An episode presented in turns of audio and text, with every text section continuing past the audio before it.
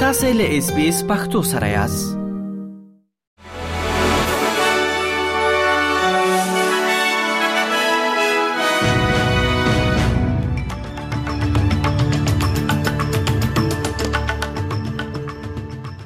سلامونه ستړي مشه نن پنځشنبه د جولای د میاشتې د 14 نیټه ده چې د چنګاخ د میاشتې له 22 نیټې سره برابرېږي او تاسو له اسپیس پښتو رادیو څخه د نن ورځې لاند خبرونه اورئ د اوکرين ولسمشر ولادمیر زيلنسکي له استرالیا څخه مننه وکړه چې اوکرين ته د بوش ماستر موټرو د استولو ژمنه کړې ده استرالیا غواړي ترڅو اوکرين ته ډیر شنور بوش ماستر موټر واستوي د استرالیا لمړي وزیر انټونی البنيزي په لیتوانیا کې د ناتو د سرمشریزې په څنډه کې له ولسمشر زلنسکي سره لیدلی او دا ژمنه یې کړې ده له اوکراین سره د دیر شو نورو موټرو لمرستي ورسته به د ټولو مرستو شوی موټرو شمیر دیر شو ته ورسیږي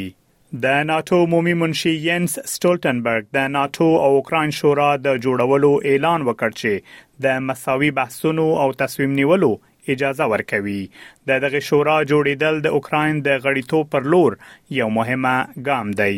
د ناتو د یو دیرشو هیوادونو اتحاد به اوکراین ته په داسې حال کې د غړیتوب اجازه ورنکړي چې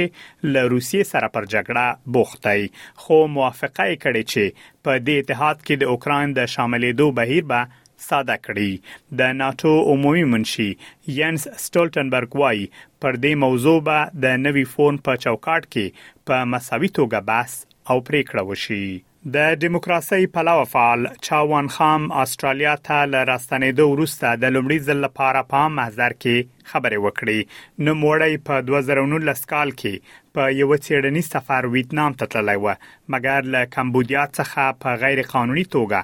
ياد هيواد ته د داخليدو په تور ونيول شو او د تروريزم په تور په دولس کاله بند محکوم شو په ويتنام کې له زندان څخه تر خوشي کېدو وروسته هغه ته اجازه ورکړل شو ترڅو استراليا ته راشي او له خپل کورنۍ سره يو ځای شي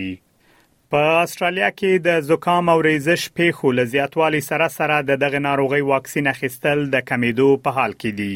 د تیر کال په پرتله سږ کال شاوخوا 2 میلیونه کم کسانو د زکام واکسین ترلاسه کړی دی د استرالیا د واکسینونو د ثبت ادارې لخوا خبره شوی امر ښیي چې سږ کال د مارچ او جولای ترمنځ 8.15 میلیونه استرالیانو د زکام واکسین ترلاسه کړی دی په داسې حال کې چې تیر کال په همدې مودې کې 10.15 میلیون استرالیانو د زکام یا ریزش واکسین ترلاسه کړی و او طالبانو په افغانستان کې د سویډني بنسټونو فعالیتونه درولې دي طالبانو په سویډن کې د وګړي لخوا د قران کریم د یوې نسخې له سوځولو وروسته په افغانستان کې د سویډني بنسټونو فعالیتونه درولې